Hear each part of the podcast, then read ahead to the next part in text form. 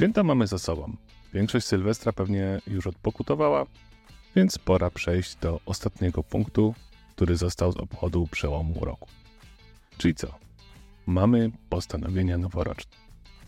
Gdybym był takim coachem, to teraz musiałbym nagadać jakiś kocopołów, jak to ważne są postanowienia noworoczne, jak one budują i wzmacniają naszą silną wolę, a każde niepowodzenie to tak naprawdę wyzwanie.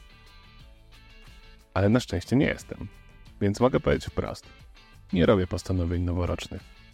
One nie mają większego sensu. Dlaczego? Dlatego, że nie wynikają z naszej wewnętrznej potrzeby, z głębi nas, a jedynie są wynikiem zewnętrznego nacisku, w tym przypadku początku roku.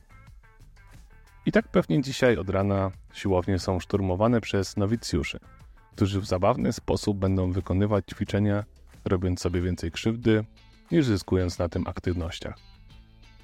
A później pobiegną uzupełnić kalorie, bo przecież tyle spalili podczas treningu, że mogą, ba, muszą zjeść coś solidnego. A później mamy mity, że po siłowni się tyje, bo mięśnie mają większą masę niż tłuszcz. Owszem, mają, ale jedynie 10%. No i nie po jednym czy dwóch treningach.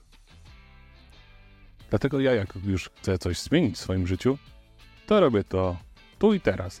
Od razu, bez czekania na specjalne okazje. No i teraz wyszło po kołczowemu. Ale wiem, że są i tacy, którzy takie postanowienia świąteczne traktują bardzo poważnie i nawet trwają w nich. Ale ja takich ludzi nie spotkałem. Ale poznałem niestety sporo osób, które miały postanowienia niekoniecznie może noworoczne, ale były to postanowienia przywrócenia swojego samochodu do życia.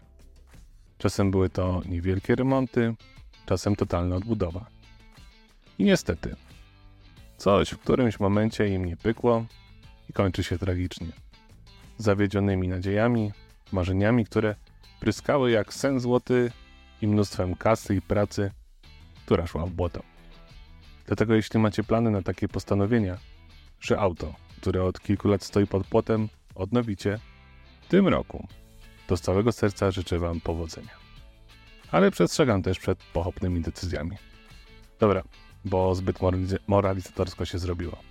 Trzymajcie się swoich postanowień. No i możecie też zasubskrybować.